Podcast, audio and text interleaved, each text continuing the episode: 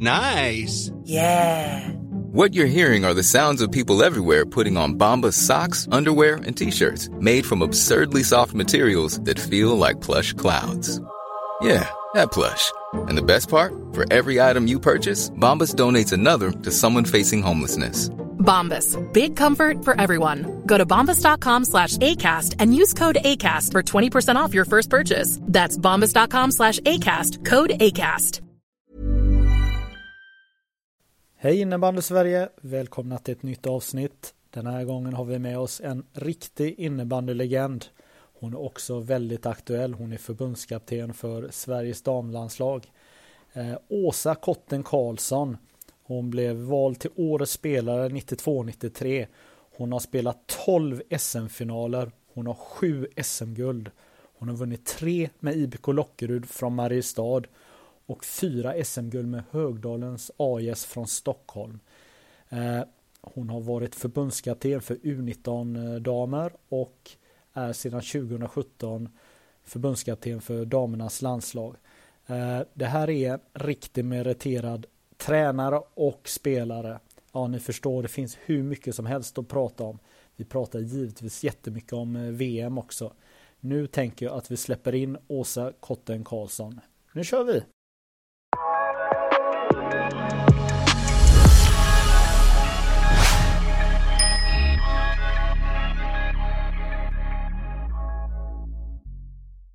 Ja, då hälsar jag Åsa Kotten Karlsson eh, välkommen till det här avsnittet.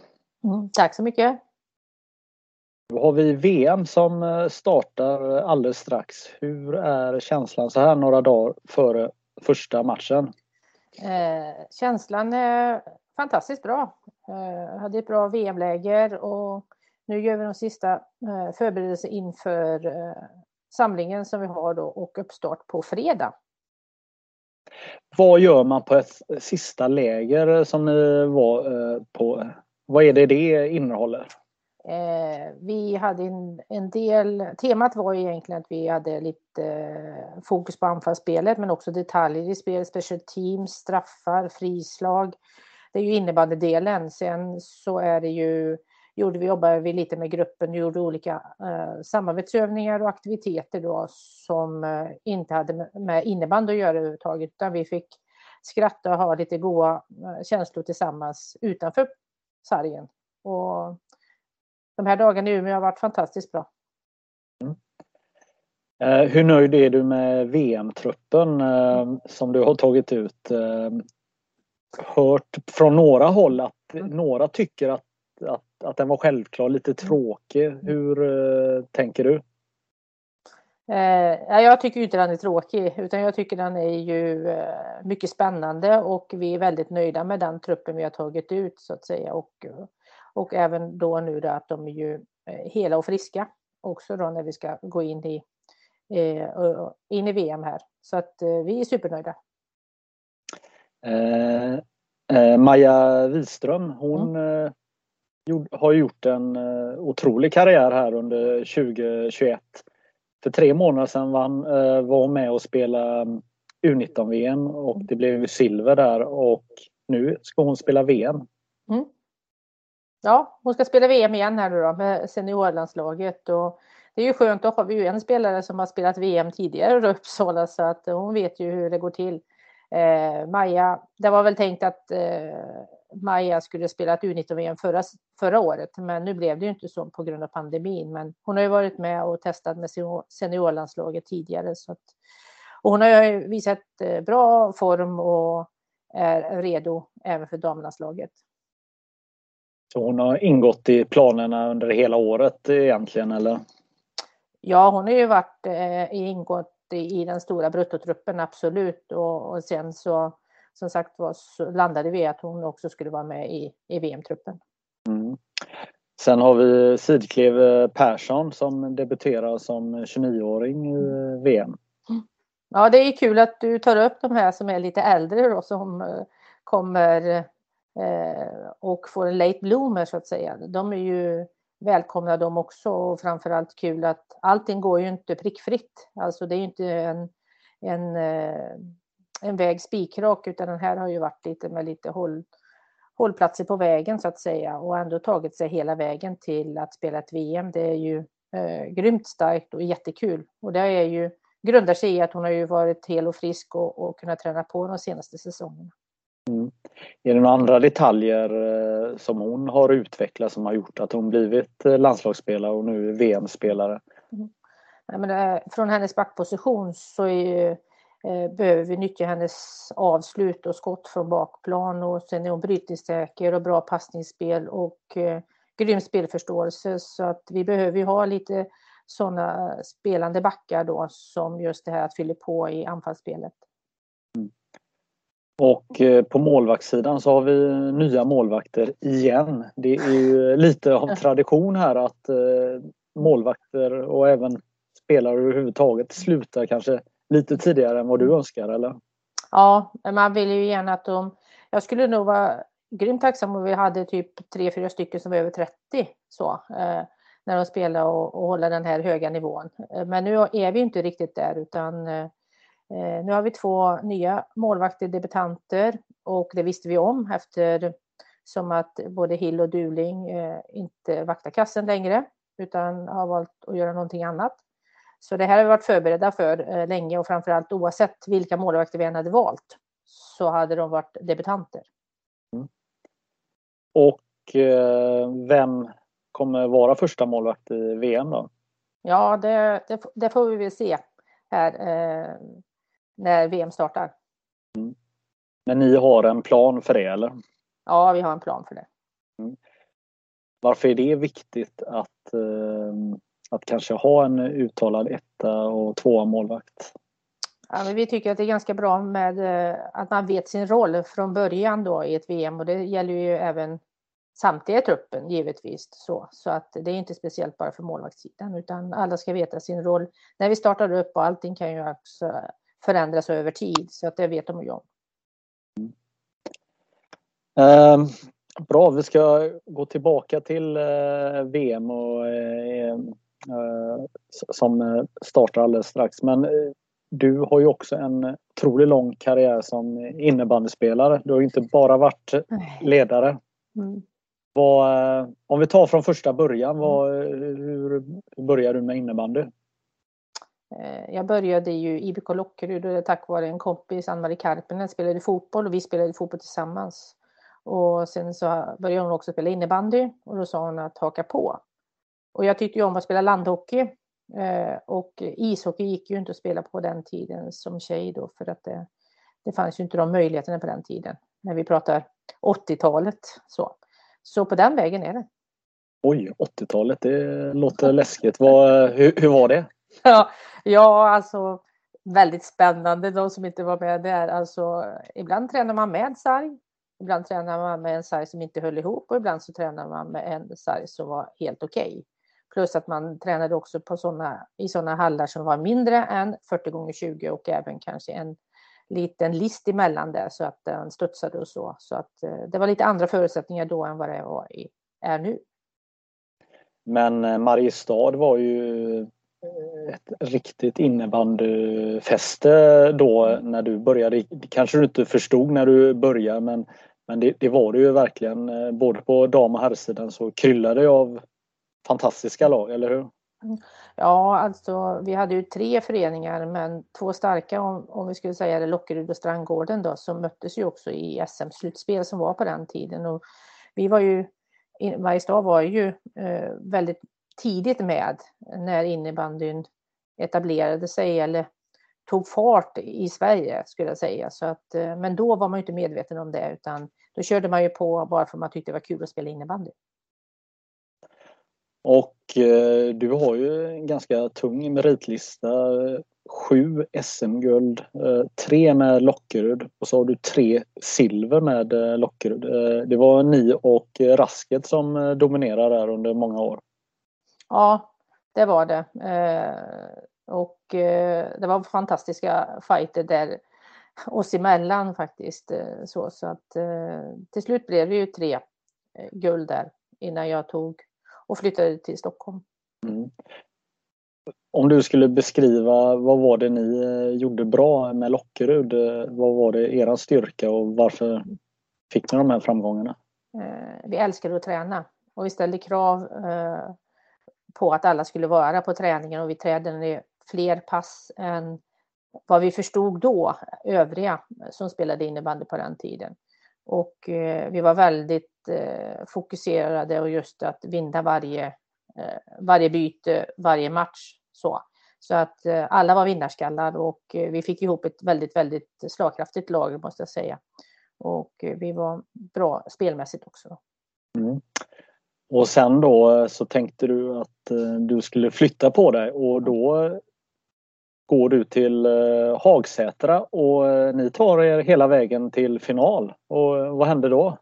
Ja, vad händer då? Eh, jo, då står ju Lockerud på andra sidan.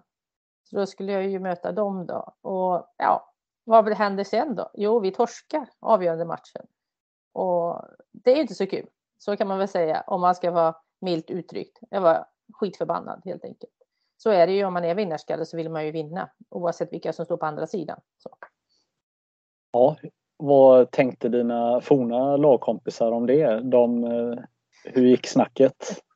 Nej, men de, det är klart att de var ju glada givetvis och retades lite och så där. sånt är det ju. Alltså man kivas ju lite efteråt och man fick ju ställa upp på en del bilder där med silvermedaljen emellan två guldmedaljörer och så där. Det var ju klart att det inte var det roligaste, men, men de var bättre för dagen den gången. Mm.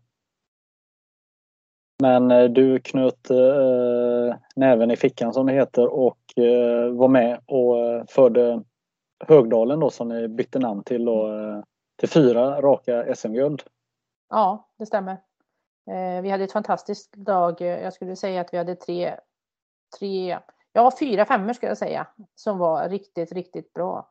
Så att vi kunde ju verkligen spela med mycket spelare och det var ju också en förutsättning så, så att vi hade ju toppspelare. På något landslagsläge tror jag att vi hade åtta eller nio spelare med på, på det lägret. Så att eh, vi hade en stark trupp. Mm. Och fördelen att uh, finnas i Stockholmsområdet då mm. gör ju att det är lättare att knyta till sig spelare då. Ja, både ja och nej höll på att säga, men då var det, på den tiden så var det i alla fall det just utifrån att man ville göra någonting nytt och, och plugga och så. Så det kom ju och de värvade ju också spelare utifrån som Pernilla Gunskog från Växjö till exempel och Lena Sjölin från Örebro och Carina Rosell från Jönköping och, och så vidare. Så det var ju rätt många som flyttade på sig då för att komma och spela med oss. Då. Om du eh, nämner några detaljer som gjorde att ni, förutom den här bredden då, vad, mm. vad var det som eh, varför, varför vann ni de här gulden? Hade ni nyckelspelarna som kunde avgöra eller vad? Ja, vi skulle nog kunna säga att vi hade väl nyckelspelare. Vi hade ju en, en landslagsmålvakt längst bak där. Sen hade vi ju eh, några landslagsbackar också. Och sen så hade vi ju några forwards som också visste vad målet var. Eh, så, så att vi hade ju eh, matchvinnare egentligen på, på alla positioner skulle jag vilja säga. Och samtidigt hade vi ett gott gäng. Och det var ju tävling på varenda träning. Så att man kan väl säga så här att eh, man visste när man kom hem eller de som man delade boende med visste om man hade förlorat eller vunnit när man kom hem från en träning. Så kan vi säga. Ja. Eh, när jag tittar i historieböckerna här, eller ja, det finns ju ingen historiebok men det är så man säger i alla fall eh, när man eh, kollar upp statistiken här så vinner du alltså eh, slutspelets eh, skytteliga 87, 89, 80, eh, 92 och 93 och sen så vinner du poängligan 96, 97 98. Alltså sju år så gör du eh, mest mål och mest poäng. Eh. Är du nöjd med eller? Ja, när du läser upp det där, för jag, det där har jag nog, har jag nog lagt eh, längst bak här någonstans. Men det är klart att eh, när, man, när du läser det så, där, så, så är jag jäkligt nöjd med det. Att, eh, och det var ju min roll också och framförallt jag hade ju inga problem med att ta avslut. Jag älskar ju att göra mål och, och göra poäng så att säga så att mitt lag vann. Eh, så, så det var ju min roll. Gjorde jag mm. inte det så fick jag ju också höra det. Så att eh, vad händer nu? Det var ju vid någon tillfälle, någon säsong där som jag inte hade gjort varken mål eller poäng i de första fem eller sex omgångarna. Och då började jag ju tänka, vad är det som händer här nu då? Men sen lossnade det ju. Hur jobbar du eh, med dig själv på den tiden? Alltså, hur motiverar du dig att hela tiden nästa byte, mm. nästa möjlighet att göra mål? Nej, nej, alltså jag vet inte riktigt. Jag var nog bara sån. Alltså jag, alltså jag älskar att göra mål och poäng och, och så. Så att eh, det är klart att jag skulle gärna vilja göra det varje byte, men så funkar det ju inte. Och sen spelade jag ju ofta med eh, Hermine Dalerius och Carina Rosell och de, de visste ju också hur man gjorde poäng. Så det var ju ganska enkelt att vi kunde och så backade vi upp av två eh, utomordentliga backar i Malin Bergqvist och Nina Klasen som också var bra på att eh, så vi fick bra tryck i anfallszon. Så för din eh, spelstil så var det nödvändigt att göra de här målen eller hade du varit en överflödig spelare om du inte hade gjort de här målen och assisten eller? Alltså man tänker väl inte så då när man är i, i ett sånt där lag. Det är klart, det är ju konkurrens och jag menar ja, eh, gör man inte poäng och mål och har den rollen, då blir det ju klart att man funderar över vad, vad ska jag då bidra med? Så, så att eh, jag jobbar inte så mycket mentalt och, och så där på den tiden utan mer att eh, och är det så att man missar målet då får man försöka lägga upp en passning till någon annan. Det är ju så. Mm. Eh, sen så hände det som faktiskt har hänt några gånger efter eh, på damsidan att ett lag eh, upplöses då. Högdalen upplöstes i, i två halvor kan man säga mm. efter de här fyra gulden där en stomme gick till Balrog och mm. där fortsatte man att vinna mästerskap. Mm. Och du valde att Eh, gå till eh, Södertälje.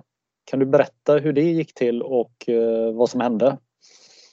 Ja, alltså då tänkte jag så här att vad ska jag göra nu?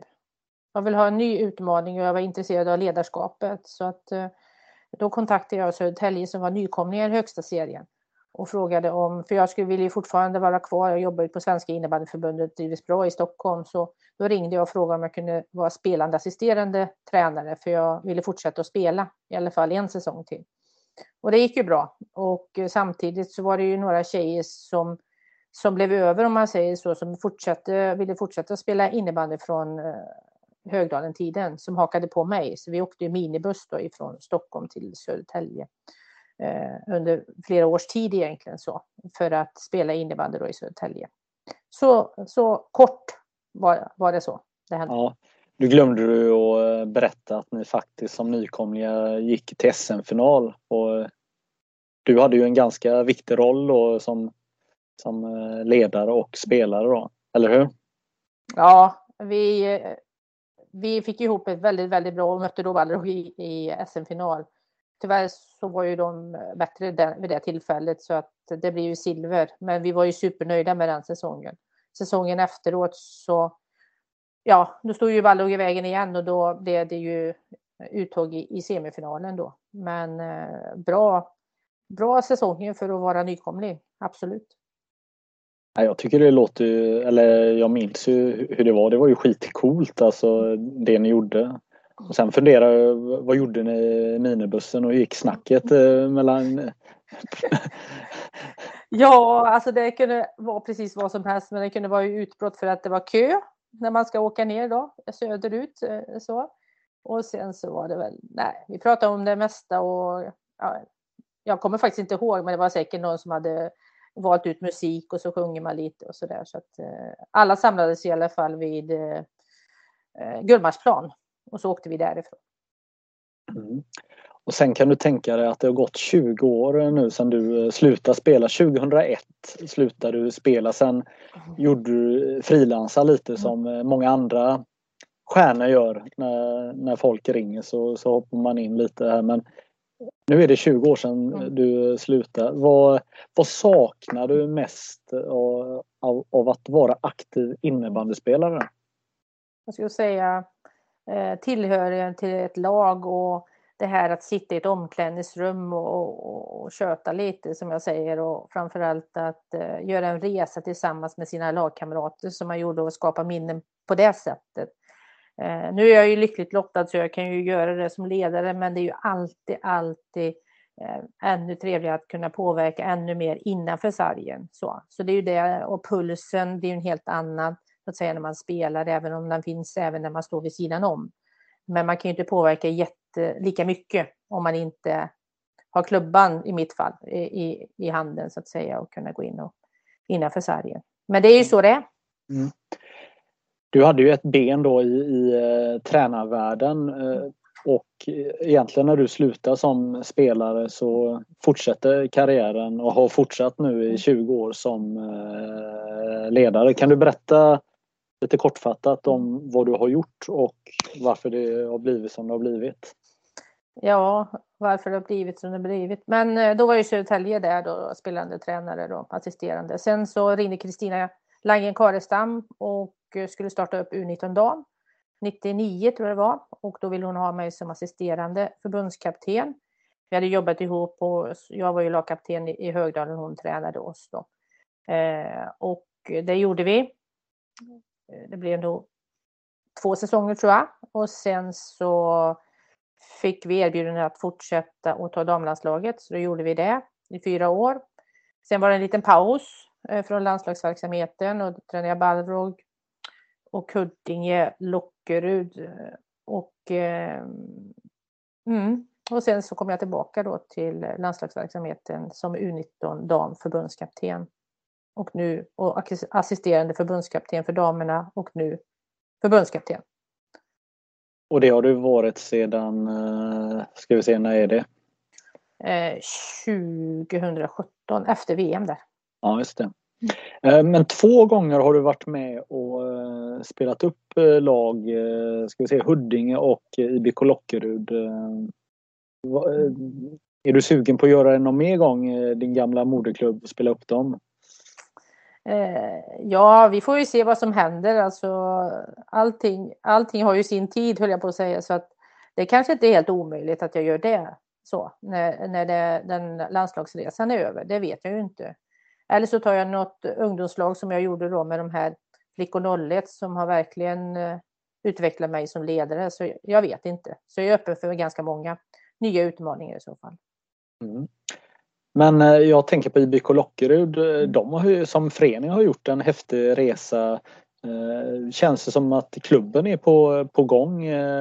Om man jämför med hur det var då när ni var som bäst. Mm. Både herr och damlag spela SM-finaler. Då kanske klubben var lite ihålig. Mm. Men det känns som att det är någonting på gång i Mariestad, eller? Ja, vi, alltså ny arena eller ny hall bidrar ju till väldigt mycket. Så nu har vi tre träningsytor. Vi kan börja där och allting är samlat till en arena. Så, så att, och sen just att vi har flera ungdomslag då att bygga vidare på. För vi behöver ju det. Om vi pratar Mariestad och IBK Lockerud att eh, som liten stad så behöver man få eg upp egna produkter. Så. Och gärna så att de stannar kvar. Nu har ju några lämnat och spelar i SSL-lag på damsidan i synnerhet och några givetvis också på herrsidan då. Men det känns som att, eh, att man har, håller på och bygger. Och eh, det finns ju fortfarande steg att ta givetvis, men det känns stabilt och bra. Eh, du eh, berättar för mig att du jobbar ju heltid eh, med innebandy. Det är ju väl en fantastisk möjlighet, eller? Ja, det är en ynnest skulle jag säga och det är ju fantastiskt att få möjligheten att få en lön och göra det man älskar att göra. Alltså titta på innebandy, snacka innebandy och vara, och, och vara en del av innebandyn, eh, världen helt enkelt. Så att eh, jag njuter varje dag, skulle jag säga. Ja, jag är väldigt imponerad av hur mycket du åker runt och tittar på matcher, alltså fysiskt. Du, du är på läktare. Vad, vad är det du uppskattar med att eh, vara runt och se matcher live och inte bara sitta framför en burk och titta? Nej, men man ser ju så mycket annat kroppsspråk, eh, känslor, vad som händer på bänkarna. Eh, det finns ju möjlighet att kunna träffa folk ute och prata med dem, de som är Eh, ute på golvet och även de som spelare och ledare så på ett helt annat sätt än när man sitter och kanske lyfter luren och pratar i telefon eller ser bakom skärmen. Man ser mycket bra bakom skärmen också. Det är ju jättebra möjligheter för oss att alla matcher sänds. Det är ju inte det, men det blir en extra krydda att kunna vara ute live, helt klart. Mm. Hur ser det ut hemma hos dig om du inte är iväg? Är det fyra skärmar och, eh, eller hur, hur fungerar det?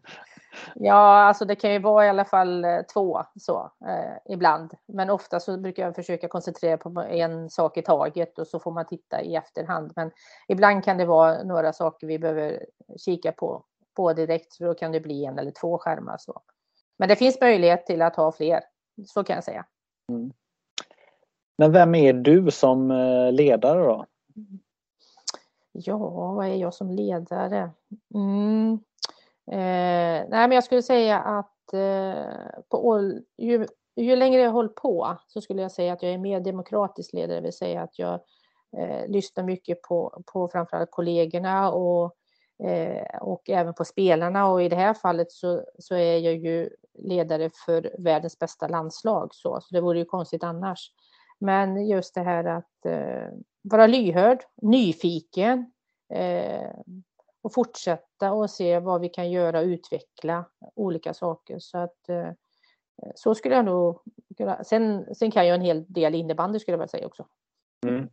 Ja, men jag tycker det är lite intressant här för du har ju själv sagt innan att eh, i början av din karriär så, som ledare så hade du mer svar på tal och hade lösningar mm på mer saker än vad du har idag? Ja, alltså, jag ska säga så här att jag kanske inte hade mer svar på tal så, eller svar på lösningar heller, men jag trodde att jag hade det. Och, och serverade en lösning innan någon fick säga någonting och så trodde jag att det var den rätta lösningen, så kan vi ju säga.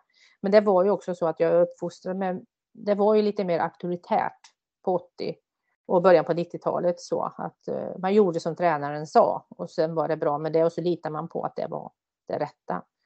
Eh, men det går ju inte idag och jag tycker inte att det är ett bra ledarskap överhuvudtaget utan man tycker att man ska ta hjälp av alla. För vi har ju olika kompetenser så, och erfarenhet. Vad är din roll i landslagsverksamheten, alltså när det är matcher exempelvis? Ja, när det är matcher så är jag ju ansvarig just för, för coachningen i båset så, och se helheten och jag tittar ju mest på hur motståndarna agerar och om de gör några olika drag. Så, eh, så att det är väl min roll så att säga just under, under matcherna. Sen är det ju lite andra saker vid sidan om sen som, som ligger på mina axlar. Så att jag är ju huvudansvarig för det. Precis, för eh, eh, allmänheten ser ju dig bara på eh, eh, matchdagen och, och när det är match. Men det är ju ganska många bitar man har att ansvara för som eh, förbundskapten. Ja, eh, dels så är man, ju, eh, är man ju ansvarig för sin stab så att de mår bra och framförallt att de vet vad de och får möjligheten att jobba med de uppdragen som de ska göra så att säga så att de har redskapen för det och får den hjälp de behöver. Och, sen så är det ju mycket med planering framförallt då vi, när vi ska ha läger och, och framförallt nu på VM och så. Så det finns ju mycket saker som inte rör spelet som, an, som hamnar hos mig, så skulle jag vilja säga. Så. Om vi pratar eh, eh VM då. Eh, vi säger att det är en match om dagen. Eh, det, nu är det ju uppehåll och, och så också men mm. vad, vad gör truppen under mm. en dag förutom att spela match? Mm. Eh, Ja, vi håller på precis med det sista detaljen på programmet så jag kan ju berätta lite att om, om vi tar en, en matchdag till exempel så, så kan det ju vara så beroende lite på när matchen är. Ibland så har man möjlighet kanske att träna ett lättare pass på, på morgon eller förmiddagen då. Men de går ju upp och äter frukost, eh, tar en morgonpromenad och sen så tar vi en samling och så kanske vi eventuellt tränar något lätt. Det beror på. Eh, sen är det lunch. Sen kommer, sen kommer det vara mediatid.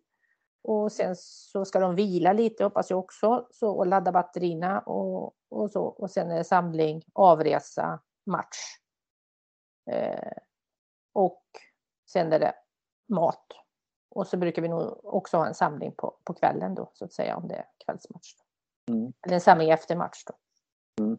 Jag vet när jag har pratat, eh, det är väl framförallt med herrspelare som har mm. varit på VM och sånt, så pratar de om att jag har blivit väldigt mycket bättre på pingis under en VM. Har ni så här aktivitetsrum? Är det viktigt att, att också att man inte bara sitter och ugglar i, på sitt hotellrum?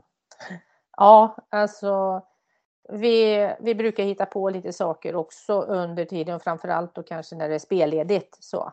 Så att man inte bara sitter av tid och, och, så, utan vi hittar på lite olika aktiviteter och sen har vi lite olika saker som vi alltid gör med, med damlandslaget under ett VM. Så, eh, som är uppskattat och, och, roligt. Så. Men det kommer få finnas aktiviteter för dem också att välja själva vad de vill göra, för det är också viktigt. Ja, precis. Uh, nu tänker jag långt tillbaka här. Var det i uh, Singapore som ni till och med hade uh, studentfest på, under, under VM? Var ja. det inte så? ja, för det låg ju under tiden där så att då hade vi studentfest så de hade tagit med sig den där, någon hade tagit med sig någon jättefin klänning och så.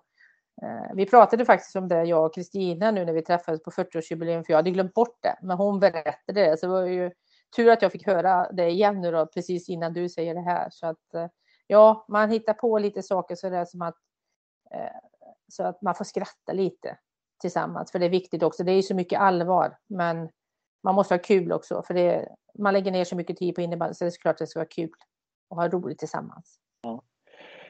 Uh, nu ska ni då spela VM och mm. ni har vunnit, uh, Sverige har vunnit sju raka mm. VM-guld. Är det en belastning att gå in i en VM-turnering och tänka att nu måste vi vinna igen? Ja, man ska väl säga så här att det är mer inspirerande och vi har ju varit i den här situationen så många gånger förut så att säga så att alla är medvetna om det att när man blir uttagen i svenskt landslag så räknar alla med att vi ska vinna. Alltså, eh, och det vet man om, så att säga, så trycket är ju där det är. Så. Och förutsättningar och förväntningarna är ju så. Eh, så att jag skulle nog säga att det är mer inspirerande och så. Och vi vet ju också att det kommer bli jättetufft, för det har vi varit med om sedan 2015. Mm. Vad eh, har ni tagit med från senaste VM? Eh, Eh, som var ganska dramatiskt. Eh, det avgjordes ju i eh, sadden. Mm. Eh, och det var ju dramatiska matcher som inte Sverige var inblandade i. Bland annat så ledde väl Tjeckien med 5-1 och med någon minut kvar och förlorade mot Schweiz. Och Schweiz tar sig till final. Mm. Vad, vad har ni, vad ni lärt er från senaste VM?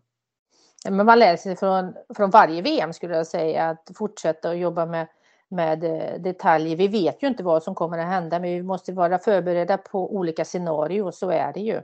Och ja, men blir det då ett, en övertid igen så, så kommer vi vara förberedda för det. Och kommer det bli straffar så kommer vi vara förberedda för det så gott det går. Det är ju så.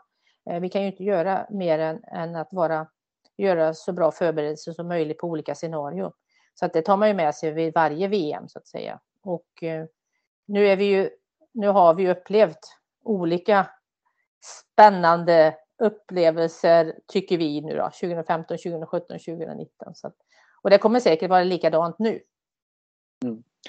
Ja, men eh, precis det du nämner här, exempelvis eh, straffavgörande, det är ju en mer och mer eh, naturlig del av innebandyslutspel, slutspel både på nationell och internationell nivå. Och vi har ju sett det här nu i i, även i VM då att, att det avgörs på övertid och eh, finns möjlighet eh, med straffavgörande. Hur förbereder man sig ännu mer för det här då? Ja, eh, vi har väl eh, gått ut med det väldigt tidigt också under säsongen att eh, ta tillfälle att träna på straffar hemma i sin hemmiljö och hitta någon, någon variant som man känner sig trygg med och sen så tar man med sig den till, till våra läger och vi har ju straffträningar på, på lägren också givetvis. Men det är ju inte, det är inte samma sak som att gå ut och lägga en, en straff på ett VM. Det, det, förstår ju alla med det trycket som är. Men man kan hitta en straff som man känner sig trygg med och ett beteende inför en straffläggning. Det kan man alltid påverka själv. Så det har vi jobbat med under den här tiden. Mm. Jag har ju två eh, lag i Sverige som är ganska dominanta just nu. Eh, vi har eh, Thorengruppen och Pixbo Wallenstam. Eh, hur ser du på det och det faktumet också att de här två lagen innehåller flera utländska spelare från Schweiz, Finland och Tjeckien. Mm. Till att börja med så är det inte unikt att det är två, två lag som, som slåss där uppe, för det har ju varit över tid kan jag tycka då på damsidan. Men Sen är det ju som så att det är ju inte vilka spelare som helst som, som spelar i de där respektive lagen utan det är ju världsspelare. Eh, så, och eh, de håller väldigt, väldigt hög klass så det är klart att de eh, bidrar ju till också då att de är topplag i, i SSL idag. Mm. Eh, Finland som eh, utmålas som en, eh, en tuff motståndare har ju två systrar i Thorengruppen och ytterligare en som är riktigt vassa. Hur, hur ska vi stoppa dem? Hur, hur tänker vi? Ja, hur tänker vi? Ja, eh, hur tänker vi? Ja, vi har ju sett dem spela här och mött dem flera gånger så det är klart att vi får väl tänka ut någon bra lösning på detta för att de är ju jätte, jättebra de här eh, tjejerna och, och spelarna så att eh, eh vi, vi klurar på det lite så får vi se vad, om vi lyckas med detta. Det är ju en utmaning, men eh, vi har ju också många väldigt bra spelare så de sitter nog säkert och, och funderar likadant. Mm. Vi hade ju för ett 20-tal år sedan hade vi Birgitte Lersbryggen mm. som kanske var världens bästa spelare under en period och hon eh, spelade för Norge och hon kunde ju nästan på egen hand mm. eh, välta till med Sverige och ja, gjorde väl till och med det en gång tror jag. Mm. Men i det här fallet så är ju kanske våran största utmanare kanske har den bästa spelaren. Det är ju ändå ett, eh, ett bra kort som eh, de finska förbundskaptenerna har i sin eh, kortlek, eller hur? Ja, och det är bara att hålla med om att, att de har ett bra lag och i synnerhet några spetsspelare som du säger. Så, så absolut, men de har ju fler spelare än så och, och, det är ju det, man får ju passa sig för, även för dem så att säga och även andra nationer har ju också spetsspelare. Så, så att jag har ju varit inne på det tidigare, det är klart att eh, vi har respekt för, för samtliga de här tre vi pratar om med tjeckerna som har också bra spelare, toppspelare. Schweiz har ju likadant och då i synnerhet Finland då, som du mm. nämner här. Så det är klart att vi har full respekt för dem och, och så, så att eh, det är klart att vi tittar extra på vissa spelare. Mm. Eh, för ni blir ju eh, spelförande lag i mm. de här matcherna, eller? Ja, det är ju våra målsättning givetvis att vi ska vara spelförande i samtliga matcher vi spelar. Mm. Och eh, det spelsättet kanske då motståndarna också accepterar och jobbar därifrån. Mm.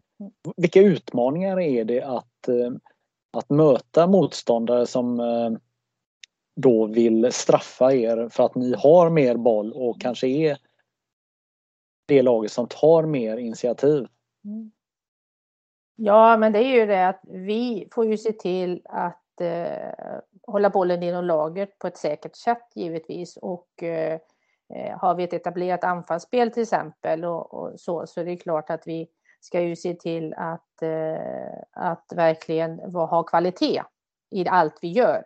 Eh, sen vet ju vi att många av våra motståndare är väldigt, väldigt bra i omställningsspelet om vi pratar där. Så det är ju klart att eh, då får vi, och det är ju det vi tittar på också, men vi är också bra i omställningsspelet. Så att skulle det visa sig att, att det är de motståndarna som kanske har lite mer boll så kommer vi ju att eh, kunna straffa dem också i omställningsspelet. Så, så att det, det har ju mycket med detaljer och kvalitet skulle jag säga. Eh, jag har ju upplevt många matcher eh, i SSL, mm. både på herr och damsidan, där ett lag är i ledning exempelvis med två, tre, fyra mål i slutet av en match eh, när det är en 6-7 minuter kvar och har initiativet i matchen. Men då helt plötsligt så kan motståndarna ta ut målvakten och då kan matchbilden förändras genom att man blir ganska passiv då som ledande lag. Och eh, hur ska ni hantera om den situationen uppstår att ni är i en, i en ganska klar ledning men eh, så tar motståndaren eh, ut målvakten och försöker börja trycka på? Mm. Uh, ja, vi kan väl börja med att vi ska ju försöka se till så att de inte kan ta ut målvakten. Vi kan börja där så att vi ska försöka ha så mycket boll som möjligt i slutet på matcherna. Så, så att det blir problem i alla fall för dem att ta ut, uh, ut målvakten. Sen så är det ju klart att då är de ju en mer när vi, eh, om de lyckas med det. Och då får vi ju se till att ligga rätt i positionsspelet till att börja med och, och framförallt stänga ner de farliga ytorna. Så. Men försöka vara eh, hyggligt aggressiva såklart. Så, så att vi inte blir för passiva som du säger då. Så att, eh, att vi får störa dem och så fort de eh, kanske skjuter i täck eller att de tappar bollen så ska vi vara där och, och hugga givetvis. Så att eh, det är väl det som är tanken. Mm. Vad vill man i de situationerna också? Är det få ner tempot också på något sätt? Att, eh, eh, eller vad, finns det några andra saker som man tänker på då när den här situationen kan uppstå? Ja, nu vet jag inte riktigt vad du menar. Om du menar att de har tagit ut målvakten eller om vi har möjligheten att spela lite stort och ha bollen inom laget så att de inte kan ta ut målvakten. Nej, men då ska vi fortsätta försöka behålla och spela vårt spel, men framförallt flytta ner spelet i deras zon så att säga. Att, att mm. hålla bollen där, så långt ifrån vårt eget mål som möjligt. Och så länge vi har bollen så skulle jag säga att det är jäkligt svårt för dem att göra mål. Mm. Mm. Um, som innebandynörd så är man ju fantastiskt lycklig över vad som komma skall. Alltså Sveriges Television eh, har ju verkligen eh, eh, tagit för sig här och ska ju sända jättemycket innebandy nu. Alla era matcher. Ja, det är helt fantastiskt. Det är världsklass skulle jag säga. SVT, eh, där alla har möjlighet att se. Och även det att de kommer att lägga det emellan skidskytte som också är väldigt folkkärt numera och man sitter klistrad, även jag. Så att jag menar det, det kommer bli eh, riktigt, riktigt häftigt och, och det kommer bli stort Eh, att spela in eh, i Uppsala inför publik också, men också inför SVT-publiken. Mm, precis, för alla ni som eh, lyssnar och tittar på det här ska ju veta att det här är ju inte en vardag som är jättevanligt att eh, just statliga Sveriges Television följer landslaget så här nära. Nej, alltså jag tror inte att det har hänt förut, så inte i den storleks storleken som är nu i alla fall, utan eh, vi hoppas ju på att det kommer en ny publik som kommer älska våran idrott precis som du och jag gör. Så, så att, eh, och framförallt att eh, fler kommer också att tycka det är intressant att börja spela innebandy. Mm. Ja, men det är ju jättespännande. Anna Wik ska ju mm. vara med där och prata. Mm. Tidigare har hon ju pratat på plan som spelare.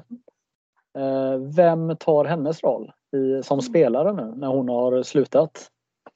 Ja, vem gör det? Nej, men det är ingen som kan ersätta någon spelare egentligen, för alla är unika och i synnerhet så, så Anna Wik är en väldigt, väldigt bra innebandyspelare. Nu hoppas jag att hon kommer att vara lika bra som expert, så som jag tror att hon kommer att göra. Men det, vi kommer ju, det är ju ingen som tar just hennes roll, utan de får vi ju fördela ut de ansvarsområdena så. så att, eh, det är inga problem så, utan jag hoppas att Anna har det bra där uppe på, på podiet. Mm. Ja, precis. Eh, men annars så eh, undrar jag lite, vilka är Sveriges stjärnor? Alltså det är ju, eh, ja, vilka är det? ja, som, som förbundskapten skulle jag säga att alla är stjärnor. Och, ja, men det, det tycker inte du, att du, för du vill ju att jag ska peka ut några, men alltså man kan ju inte, Emelie Wibron har ju spelat ofantligt många VM. Så, så hennes rutin blir ju jätteviktig för oss och en bra spelare och framförallt att hon är kravställare och eh, är van att gå in och avgöra matcher. Sofia Joelsson är ju också en, en spelare som gör väldigt mycket poäng men är ändå väldigt hårt jobbande i både offensivt och defensivt som forward. Eh, Ellen Rasmussen har vi ju också då om vi tittar på de offensiva korten här då, som som kan avgöra vilken match som helst. Sen i bak då är ju Ida Sundberg en, en viktig kugge då som vår lagkapten och, och duellernas drottning och håller ihop försvaret på ett ypperligt sätt. Sen har vi Måköp som, som är, är ju i grunden en försvarsspelare men är ju också väldigt bra på att fylla på. Har fantastiska passningar och avslut. Jag har ju nämnt några men jag kan hålla på och rabbla här som du ser. Har rätt många mm. du. Ja, ja, men det är bra att du har svar på tal här. Ja. Vad, eh, hur har Moa mått i allsvenskan då? Moa har mått bra i allsvenskan och har producerat och uh, har spelat bra. Så att det är inga konstigheter med Moa överhuvudtaget. Nej. Uh, hur kommer det gå här nu då i VM då? Ja, hur kommer det gå? Uh, ja, målsättningen är att vinna VM-guld och det har vi alltid. Som svenskt landslag så ska vi alltid gå för guldet och det är det vi spelar för och sen så hoppas vi att vi går hela vägen. Så skulle jag säga. Det är målsättningen. Och eh, vad, vad tänker du om VM överhuvudtaget? Du var ju med första gången och eh, spelade VM som spelare när det var premiär på Åland 1997. Vad har, vad har hänt sedan dess? Ja, vi kan, vi kan väl säga så här att tröjorna har ju blivit lite bättre storleksmässigt och, och så, modellmässigt och så, och material överhuvudtaget. Och självklart så är ju mediebevakningen är ju mycket större idag och, och så även om tv var där faktiskt så tog några saker. Men vi hade väldigt mycket publik på Åland faktiskt. Så att, eh, och det hoppas vi på att det kommer även i, i Uppsala. Sen spelet i sig, det gick ju mycket, mycket långsammare så i, på Åland. Allting har ju, har ju spetsat till sig och blivit mer intensitet och mer fysiskt spel och högre, högre hastighet och så vidare och kvalitet. För att träna, man tränar ju mer nu än vad man gjorde då. Så att, eh, men eh, publiken var faktiskt på Åland så jag hoppas att publiken hittar till Uppsala och verkligen stöttar oss så att det blir en blågul vägg där. För det behöver mm. vi. Ni möter Slovakien i mm. Eh, VM-premiären. Det är ju en av de här innebandynationerna med hockeykultur eh, och som eh, ändå tar några steg framåt och som är ett, ja, det är en spännande innebandynation, eller hur? Ja, eh, jättespännande skulle jag säga. Jag hoppas också att de kan ta ytterligare steg här nu då, så de kan ju närma oss, vi som är topp fyra. För det vore häftigt om det dök upp några till som är med och fightas här. Och Slovakien är väl ett utav dem. Så att det blir ju väldigt spännande VM-premiär skulle jag säga på lördag. Mm. Har de eh, möjligheter att bli eh, femma i VM? Eller ännu ja. bättre? Ja. ja, alltså det skulle jag säga. Nu har inte jag sett eh, riktigt hur det har, eh, vilken trupp de har och så vidare. Men eh, de är ju alltid där och fightas 5 till 8 skulle jag säga. Så, så de har goda möjligheter att, eh, att komma i den positionen. Mm. Känner jag här att vi börjar komma till slutet här. Jag tyckte mm. vi, vi har varit väldigt effektiva här. Det är ja. strålande här tycker jag. Eh, ja. Vad, jag vill hoppa tillbaka lite här eh, om man tittar på damsidan här så Jan-Erik Vara när han kom in och blev förbundskapten så hände det ganska mycket. Det, det blev nya krav och eh, en del spelare försvann och nya dök upp. Var, var det bra för eh, svensk daminnebandy? Eh, den här rokaden som skedde för x antal år sedan? Eh, ja, det skulle jag säga att, att det var, var bra för att spelet utvecklas ju och då kommer ju också det här med eh, de eh, fysiska kraven också så att man verkligen orkar spela matcherna i det tempot som, som blir och framförallt att man håller sig hel och frisk. För att alla vill ju spela innebandy, man vill ju inte ha en rehab och så, så jag tycker det är jättebra att man tog tag i det och det var väl någonting som vi hade pratat om tidigare också, men att eh, det kom ju då i samband med att Janne då tillträdde som förbundskapten så att eh, eh jag tycker det är bra. Vi håller ju på att titta på en uppdatering av dem just nu då så att säga eftersom det har ju skett ganska mycket förändring i vårat spel sen de, sen de eh, tillkom så att säga. Mm. Och eh, vad kan du säga om din egna eh, roll med landslaget? Jag förstår att du inte kan ge mig ett besked vad som händer med din framtid men du har kontrakt ett par månader till va? eller hur är det? Ja, så är det så att säga för man har ett jag har ju mitt fyraårskontrakt som går ut, eller med fyraårsavtal som går ut här eh, efter årsskiftet då skulle jag kunna säga. Så att vi får väl se vad som händer och sker. Först nu så ska vi fokusera på att spela ett VM och göra så bra som möjligt där. Så att sen får vi se. Mm. Härligt. Hur ser du på den här situationen som eh, svensk innebandy har hamnat i att eh, efter pandemin här att vi har haft det lite kämpigt med utövare som slutar och ledare som mm. slutar? Nej, men jag tycker det är jättetråkigt och vi får ju verkligen titta på vad vi kan göra för att locka tillbaka dem för att vi behöver ju ju fler som spelar innebandy och framförallt fler som tar hand om våra utövare är ju jätteviktigt. Så, så att Eh, jag tycker det är ju eh, tråkigt såklart för att man vill ju att fler ska hålla på med, med innebandy och även ledare då.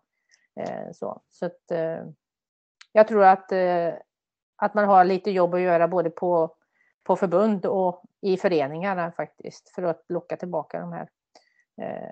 För vi vill ju ha tillbaka dem i alla fall. Mm. Det kan jag ju säga. Precis. Sen kanske du och dina tjejer eh, löser det här nu eh, genom att spela fantastiskt bländade innebandy och eh, visa var skåpet ska stå eller? Ja, om, ja, jag skulle säga så här att vi kommer göra allt vi kan för att locka fler till innebandyn, så kan jag säga. Och framförallt att vi har ju målsättningen att spela eh, rolig och eh, intressant och spännande innebandy under den här veckan som kommer och njuta också. Men samtidigt också eh, se till att eh, eh, göra en, en tillställning som få glömmer. Så skulle jag vilja säga och framförallt att vi kanske lockar ny publik och nya utövare. Ja, Åsa, då tackar jag så hemskt mycket för att du ville vara med här. Det gick bra det här eller? Ja, det gick eh, jättebra den här ja. gången. Ja, härligt. Ja, precis. Eh, men tack så hemskt mycket för att du ville vara med då. Ja, tack så mycket. Ha det gott. Hej, it's Danny Pellegrino from Everything Iconic. Ready to upgrade your style game without blowing your budget? Check out Quince. They've got all the good stuff, shirts and polos, activewear and fine leather goods, all at 50 to 80% less than other high-end brands. And the best part? They're all about safe, ethical, and responsible manufacturing. Get that luxury vibe without the luxury price tag. Hit up quince.com slash upgrade for free shipping and 365 day returns on your next order. That's quince.com slash upgrade.